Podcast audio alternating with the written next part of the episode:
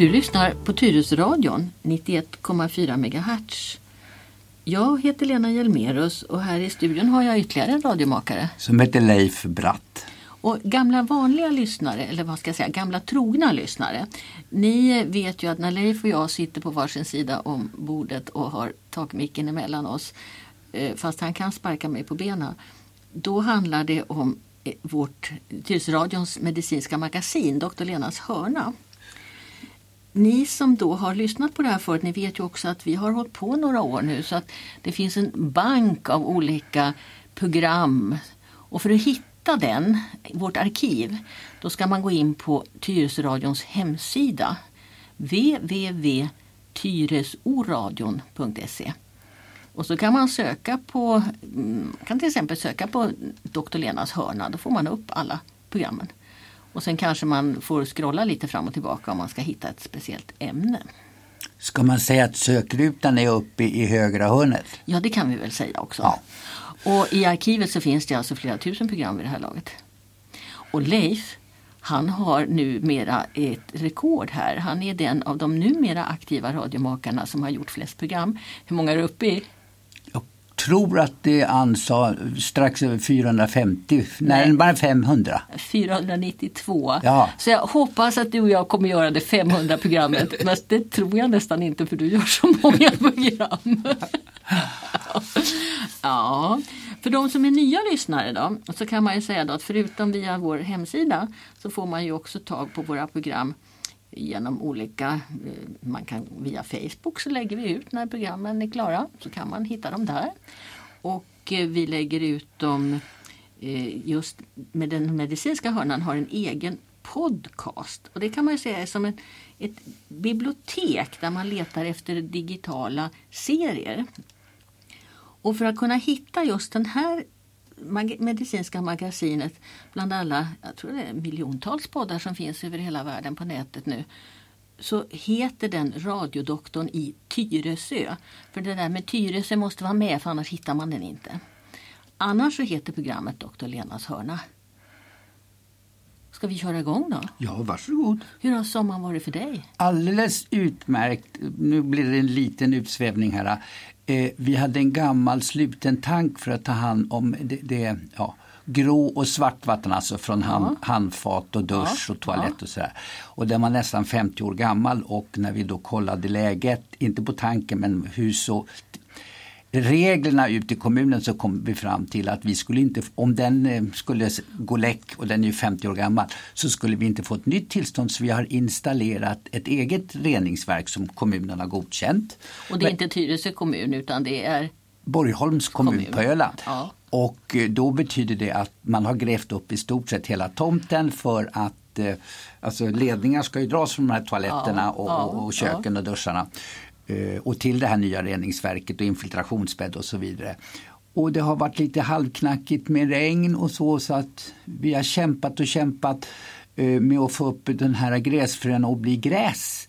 Och det har varit lite trögt. Och så finns ju någonting lite vattenskam idag med tanke på grundvattennivåer. Mm, I synnerhet på Öland va? Ja, ska jag fortsätta förresten och sväva ut här?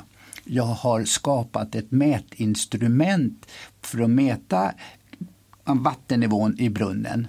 Och det är från, jag har tagit flötet och tyngden eh, från ett metspö så har jag satt det på ett kastspö som har en lång lina. Och så sänker jag ner det i det borrade hålet.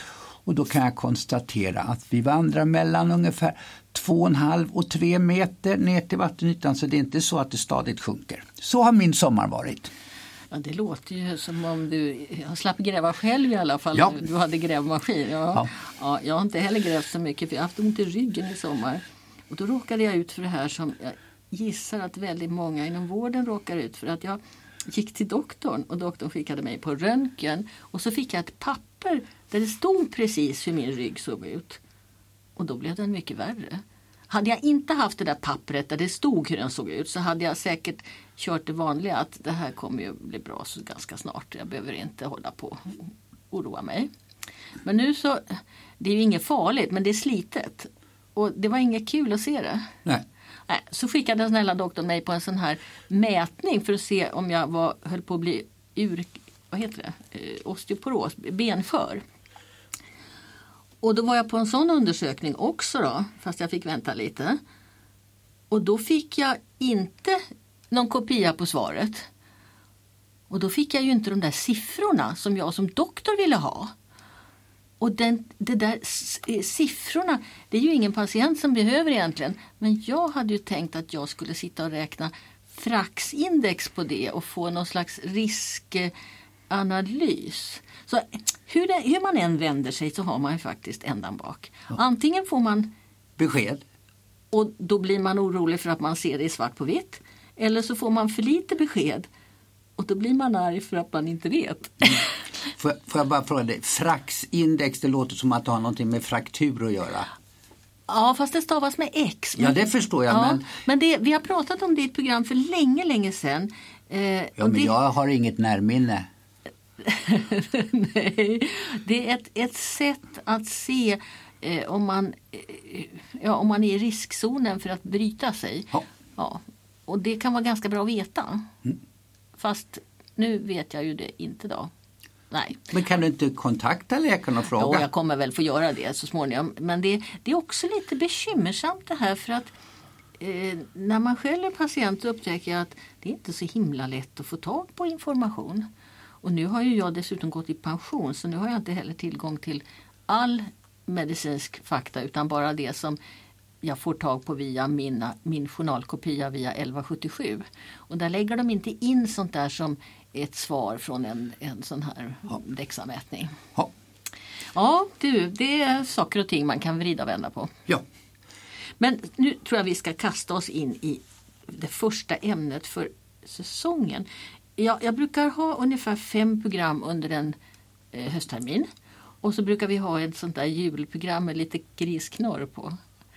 Och är det nu någon av er som lyssnar som känner att det här skulle jag vilja veta lite mer om. Då kan ni väl skicka in det till tyresoradion.se. Info snabla tyresoradion Nej, ty, ja, Tyresö-radion. oradion.se. Ja. Ja, Leif, vad ska vi prata om idag? Vad jag förstår från det, ditt samtal med mig innan här vi satte igång micken så ska det handla om eh, eh, virus, sjukdomar, bakterier, alltså sjukdomar med bakterier och, och förgiftningar. Mm, som har att göra just nu med augusti. Jag tänkte vi skulle vara liksom lite sådär i tiden. Ja, ja. Ja. Okej. Ja, ja. Har du hört talas om något av det här som jag har skrivit på en lapp åt dig? Tularemi, nej, fast jag ser att du har skrivit harpest. Det har jag för första gången hört talas om nu här i veckan kan jag säga. Och nu pratar vi om mitten på augusti 2019. Hur kom det sig att du hörde talas om det? Det var på nyheterna och de sa att nu fanns det harpest ute i eh, ja, skogen. Ja. folk hade bara drabbats av harpest. Ja. Hade aldrig hört talas om förut. Sen så fanns någonting som hette sorkfeber. Har du skrivit där då. Och eh, det har jag aldrig hört talas om. Eh, sorkfeber. Eh, Pest har jag hört talas om i form av alltså den stora pesten på medeltiden som drabbade Europa. Så det är väl och, och, och, och, och, hepatit är ju också någon sån här smittsam grej. Eh, det har jag hört talas om. Mm. Ska vi börja med pesten då? Det, det här är alltså inte pesten som var på medeltiden. Men pest står också för eh, sjukdomar som bildar eh, bulor eller svullna lymfkörtlar.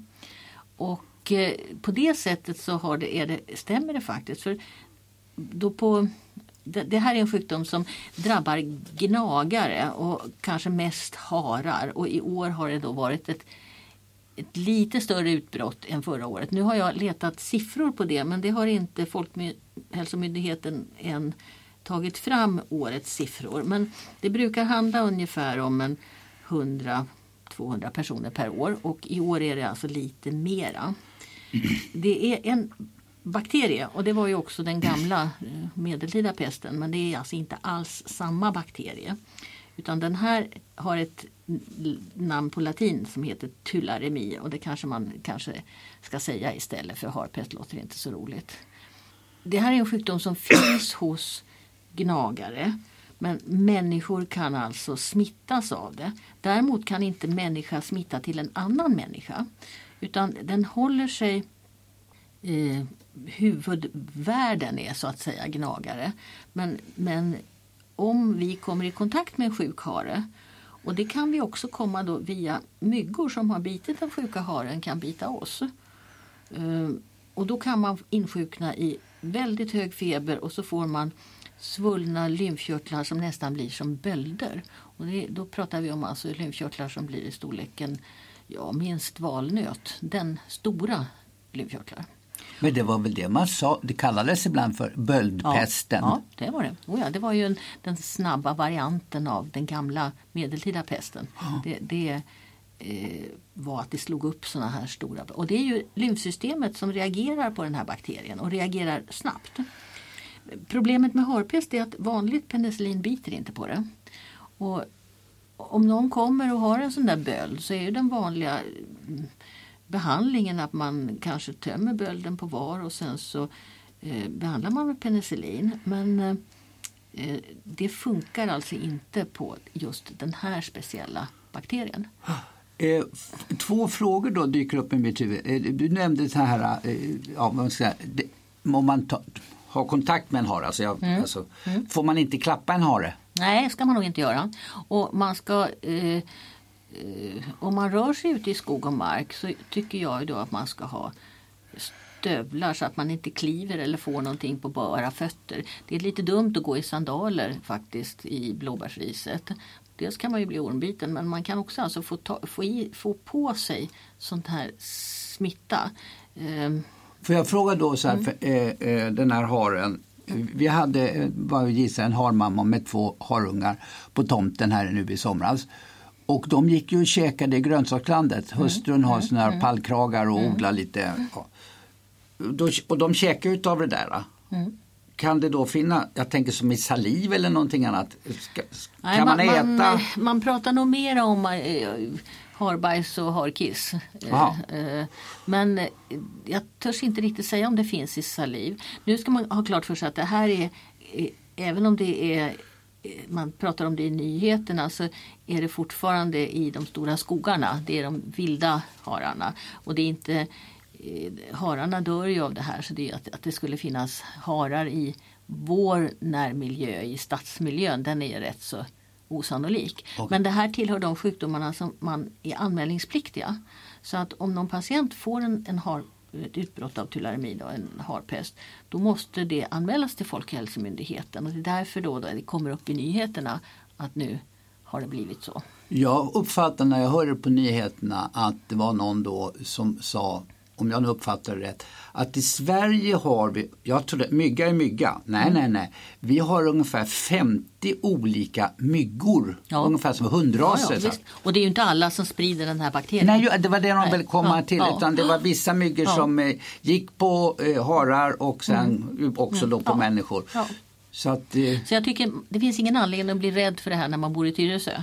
Eh, men man ska man ska veta om sånt här och framförallt när man hör det så ska man ha, ha uh, uh, veta vad det är för sjukdom. Mm. Och det kan ju också vara en liten påminnelse till sjukvårdspersonal att om någon kommer med en stor böld och inte blir bra på penicillin så ska man skicka det på speciell provtagning just för tularemi. Det här var alltså en bakterie då. Sorkfeber det hör ju också till de här gnagarna men det är ett virus. Och sorkfeber är också så, typiskt på sommaren och kanske lite mer på våren för det är när folk börjar städa sin vebo. Där det har då övervintrat möss eller skogssork är det framförallt som bär runt på det här viruset. Och när det dammar i vebon och man borstar och sådär så kan man andas in det här viruset. Och det, viruset i sig, man blir sjuk med hög feber men man blir också de allra flesta blir bra. Men det kan ge en skada på njurarna, en njursvikt. Och det är också därför att då är den här sjukdomen också en sån här anmälningspliktig sjukdom. Eh, så att eh, det kan rapporteras då att nu är det ett större utbrott av sorgfeber. Och en generell regel, om man nu kommer som du till landet då och, och börjar städa ut så att inte sopa utan våttorka för då binder man det här viruset i dammet med, med att göra rent med en ja, långborste eller en skurtrasa istället. Okej. Okay. Mm. Eh, och sorkfeber är lite mer vanligt än, än tularemi, harpesten. Så att man räknar ungefär med ja, från 100 till 500 per år. Och i synnerhet de år när det är sånt här gnagarår. Det tror inte jag att det har varit i år. Um, men det... Ja, men det har ju gått rätt bra för AIK. Ja, sådana gnagare. ja, du vet, jag är inte så sportintresserad men har det gått bra för AIK? Har det inte gått bättre för andra lag? Jag vet ja, inte. Ja, ja, nu, får vi alla, nu får vi alla gnagare i Stockholm på oss. Här. Ja. Mm. ja. Eh. Kan jag bara då medan du funderar, eh, jag har en fundering och den kanske är jättelöjlig, men man pratar om bakterier och virus och vad jag förstår så bakterier normalt kan man behandla med antibiotika, det kan man inte göra med virus. Vad är det för, alltså, vad är det för skillnad på bakterier och virus? Virus är ju mycket mindre och de sprider sig på ett lite annat sätt. Virus är ibland luftburna, man kan alltså andas in virus. Bakterier fordrar ofta lite mer närkontakt, att man får det på sig och att man kanske har något sår som det kan komma in i kroppen på. Eh, kroppen svarar både på virus och bakterier väldigt snabbt. Men virus ändrar ibland eh, utseende. Om man tänker på influensavirus till exempel så har vi ju olika sorters influensa vartenda år. Därför att virus hela tiden anpassar sig. Bakterierna är mycket mer stabila. De, bakterierna kan bli eh, motståndskraftiga mot antibiotika om vi använder för mycket antibiotika. Men bakterien är liksom en mer, eh, vad ska jag säga, lite högre organism egentligen. Den är, den är lite mera, eh, virusar är små och opolitliga. Ja, elaka. elaka. Ja, nej, ja, det är svårt. Att, eh, virusar är också så, har man en gång haft en virusinfektion då har man i allmänhet ett ganska bra försvar mot den. Mm. Men däremot en bakterieinfektion den kan man ju få om igen. Men då undrar jag så varför pratar vi om multiresistenta bakterier men inte multiresistenta virus? Om det är virus som lättare ändrar på sig? Och, alltså, ja. Ehm, ja, det har ju med det här med behandlingen att göra. Att multiresistens, det, det prat, där pratar vi om antibiotikabehandling. Men eftersom vi överhuvudtaget inte kan behandla virus med antibiotika så pratar vi... Det finns virushämmande medel. Ehm, men de är också eh, rätt så bra hela tiden. Där har man inte kommit in i den här cirkusen med att det inte biter. Okay. Um, ehm, ja. När vi pratar om det här med så kan vi om de som är lite äldre kommer ihåg att orienterare så här på i augusti, sensommaren eh, drabbades av en konstig sjukdom som man kallade för orienterargulsot. Och det var ju så man upptäckte en variant av det virus som orsakar leverinflammation, hepatit. Och sen fick ju vi eh, orienterarna ha långa ärmar på sina tröjor och långa ben på sina, när de sprang. De fick inte springa i shorts. Och sen numera är ju de som sysslar med orientering så här, de, de är ju vaccinerade mot viruset. Och virusar kan man ju då vaccinera sig mot. Så att idag är det ju ingen som, det gick inte ens att googla på orienterad gulsot längre. För det är liksom borta ur, ur medvetandet. Och vet du vilken sport vi fick guld och silver i igår? Den 15 eh, augusti. Ja, det måste ju ha varit orientering då. Just det, långdistansorientering. Ja, Tove hette hon. Ja, just det. Ja, just. Och sen var det någon Linda. Ja, också. Det är tjejerna som gör det. Vet du. Ja, ja. Du, när du pratade om orienterare. Mm. Min minnesbild är då att man, eh, det kan vara helt fel men i alla fall, eh, det, det jag minns var att man pratade det var en orienterarssjuka också det här om det var 70-80-tal. Eh, alltså plötsligt hjärtsvikt, tvarbakterie eller något mm. så här fick man på mm. hjärtat. Mm. Bakterie. Det var bakterier. Nu har inte jag läst på tvar så det kan jag inte svara mer på. Det måste jag slå upp. Ja, men det var i alla fall en ja. orienterarsjuka ja, det ja, och det har ju att göra med att orienterarna då springer i ris och får småsår. Eh, och de kan ju inte ha stövlar på sig, nej. Då, utan de får ju då eh, på ärmar och, och, ben små rispor av att de tar sig fram i terrängen. Och sådana där små rispor, man ska ha respekt för det därför att det är hela världen är full av bakterier och virusar. Och, eh, man, har man varit och skrubbat sig någonstans eller fått ett skrubbsår så ska man tvätta det. Tvål och vatten. Tvål och vatten kommer man långt med. De flesta virus dör direkt av tvål. Ja. Men då kan man väl säga ändå så här att rent teoretiskt så kan ju en blåbärsplockare drabbas av det här som orienterarna ja, ja. drabbas visst, av. Visst. Ja. Mm, det. Det var bara rent teoretiskt ja, ja, alltså. Visst, det finns fortfarande. Och därför är det så viktigt när någon kommer in med någon konstig infektion att man på sjukhuset är väldigt noggrann och tar reda på vad har den här människan gjort? Har den blivit eh, riven av en katt? Har den burfåglar hemma? Har den varit ute? Är det en jägare som har varit ute i skog och mark och, och kanske träffat på en hare? Är det en sommarstugägare som har städat sin vedbod? Alla sådana här frågor som man kanske tycker är lite, lite konstiga.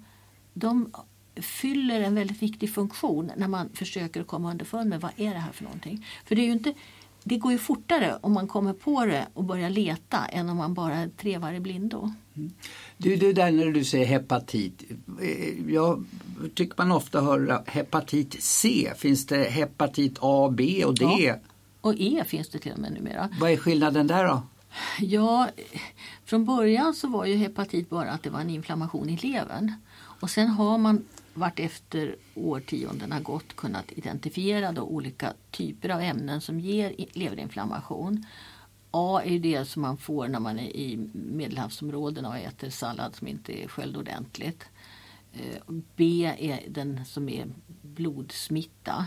C är också en blodsmitta som förekommer eh, bland ja, laboratoriepersonal. Eh, e kan jag inte, den är så ny. Och varför det inte finns någon D, det kan jag inte svara på. Det kanske har funnits fast den inte var riktigt korrekt. ja. Men det är både, en del orsakas av bakterier och en del orsakas av virus. Ja. Men hepatit det är själva inflammationen i levern. Numera kan man alltså vaccinera sig eh, när man ska åka utomlands. Och det är ganska bra att vara hepatitvaccinerad. Därför att sånt här är vanligt i, man är ute och reser. Är det då multihepatit eh, ja, läkemedel? Ja, det är det. Man får flera sorter på en gång så att säga. Och vi ja. inom vården vi har ju varit vaccinerade väldigt länge mot just sånt här som är blodsmitta. Mm. Därför att eh, håller man på med blodprovstagning och sånt så är risken ganska stor att man sticker sig själv och då ska man vara vaccinerad. Mm. Jaha, ska vi fortsätta på de här höstinfektionerna? Ja visst, du, ja. du bestämmer tågordningen. Det är ju dags liksom för alla barn att gå tillbaka till skolan och till dagis. Och då brukar det komma någonting som kallas för höstblåsor. De finns ju hela året. Men det är väl just det här att man, folk har varit borta och så samlas ganska många människor på samma plats igen. Och det är jättesmittsamt. Det är ett virus. Och den heter egentligen Coxsackie A16. Eh, men den yttrar sig då som små blåsor i munnen. Det har du säkert haft när du var liten. Alltså jag, det har jag ingen aning om. Kommer du inte ihåg det? För de svider rätt ordentligt. Jag minns mycket väl när jag hade blåsor i munnen. Men jag har ju inget närminne. Nej, nej, ursäkta. ja. Ja, ja. Men dina barnbarn kanske har höstblåsor just nu. Och då är det så här att det här är så jättesmittsamt. Så att en av de artiklar som jag läste nu när jag höll på och läste på här. Där skrev man att det var överhuvudtaget inte meningsfullt att barnen skulle stanna hemma. Därför att hade man fått höstblåsor då hade alla på dagis det. Så då kunde man lika gärna gå på dagis. Men nu är det ju så att olika förskolor har olika regler. Och jag törs inte säga hur reglerna ser ut här i Tyresö för jag har inga barn på förskolan här längre. Men det tar ungefär en vecka från det att man har smittats tills man, de här blåsorna kommer. Och blir man riktigt eh, angripen då kan man också få blåsor på händerna och på fötterna. Och det känns väl kanske i min värld så att har man blåsor på händerna och fötterna då är man så pass sjuk så att då bör man vara hemma för sin egen skull. Men har man bara blåsor i munnen så eh, håller jag nog med den där som skrev artikeln att ja, då kan man väl kanske lika gärna vara på dagis. Då undrar jag bara så här, om vi jämför det med vinterkräksjukan. Mm. För jag hade två barnbarn på sådana här stora fyra avdelningar. Och då vandrade det ju runt. Mm. Även om själva sjukdom, sjukdomen hos den enskilda individen varade kanske en vecka eller två. Någonting sådär. Men sen ja, kom man tillbaks lite för tidigt. Och, ja, det, det var en ond cirkel. Alltså den här höstblåsan, blir man immun mot det när man har haft det en gång? Ja, det blir man ju. Ja, då, då smittar det inte vidare. Nej, och det smittar sällan vuxna för vuxna har redan haft det som barn. Ja. Och, och det är inte så att folk måste bli sjuka och vara hemma från jobbet. Och det är ju inte plågsamt på samma sätt. Vinterkräksjuka då kan man ju inte göra något annat än att spy. Nej. Men här kan man ju faktiskt äta som vanligt fast man kanske inte kan äta hårdbröd när man har, har eh, blåsor i munnen. Nej, okej. Men man blir ju inte, man blir ju inte sådär jättesjuk med feber eller något sånt. Men det är väldigt smittsamt och det går på förskolorna och det brukar vara precis när terminen startar. Ja, och man blir immun. Ja, Men hur länge sitter den immuniteten? eller så? I- Kan jag bli sjuk nästa höst igen? nej, det, den är livslång. Ja. Sen kan Coxsackie-virus ge lite andra infektioner också. Eh, Men då är det ofta inte A16 utan då är det andra, då heter den Coxsackie B eller Coxsackie A med något annat nummer. Eh, Men just det som orsakar den här höstblåsorna. Om man googlar på den här med höstblåsor, för det är många föräldrar som gör. Då står det ofta på engelska hand, foot and mouth disease. Och då är det genast någon som kopplar fel och tror att det är mul och klövsjuka. Men det är det alltså inte. Utan det här är en, det här är en människosjukdom. Ja. Mul och klövsjuka är en sjukdom för kossor. Ja. Men jag menar, är man, sitter man och googlar och är lite trött så kan det bli fel där. Ja. Det är, m- mun och mule olika saker. Ja. När min mor hon sa när man pussades, Ja. eller, ja, eller när jag Ja. började Ja. pussa flickor. Sluta slaska mule, sa hon. Så hon använder det så, så, synonymt. ja, visst, och det är många som tänker, alltså, det, tanken kan bli sån ibland. Ja, Ja. Eh, höstblåsor. Det, det är ju inte kul när man är fem, fyra, fem år och får blåsor i munnen. Så det, man ska vara lite, man, man, jag tycker man kan få äta glass i sådana lägen. Ja. Mm. Säger doktor Lena. Mm. Ja du, eh, tiden rinner iväg här. Jag tänkte vi skulle prata lite om rötmånad och matförgiftningar och magsjuka också. Ehm, det är ju den tiden. Eh, och det har ju att göra med att vi, vi låter mat stå framme i värmen. Ja, och så tvättar vi oss inte om händerna tillräckligt. Men om man pratar om då förgiftningar, då tänker jag så här, vi har pratat om bakterier och virus. Eh, Kan bakterier, bakterier och virus ge förgiftningar eller är det att det har bildats några giftiga ämnen under då någon slags förruttnelseprocess? Ja, om, vi, om vi pratar vanlig mat så är det ju ofta giftiga ämnen. Men sen finns det ju då vissa djurslag som kan vara lite mer eh, vad ska vi säga, från början eh, utsatta. Och där har vi ju då kyckling till exempel som man måste se till att man lagar ordentligt och man måste vara väldigt noga med hygienen när man hanterar färsk kyckling.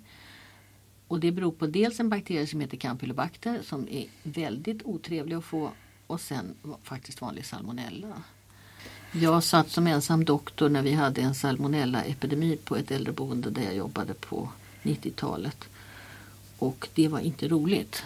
Den fick senare namnet ja, efter, efter den platsen där det äldreboendet låg. Men det alltså, det, det är, jag äter inte kalkon efter det för det var salmonella i kalkon lyckades vi så småningom via hälsomyndigheten få fram. Då.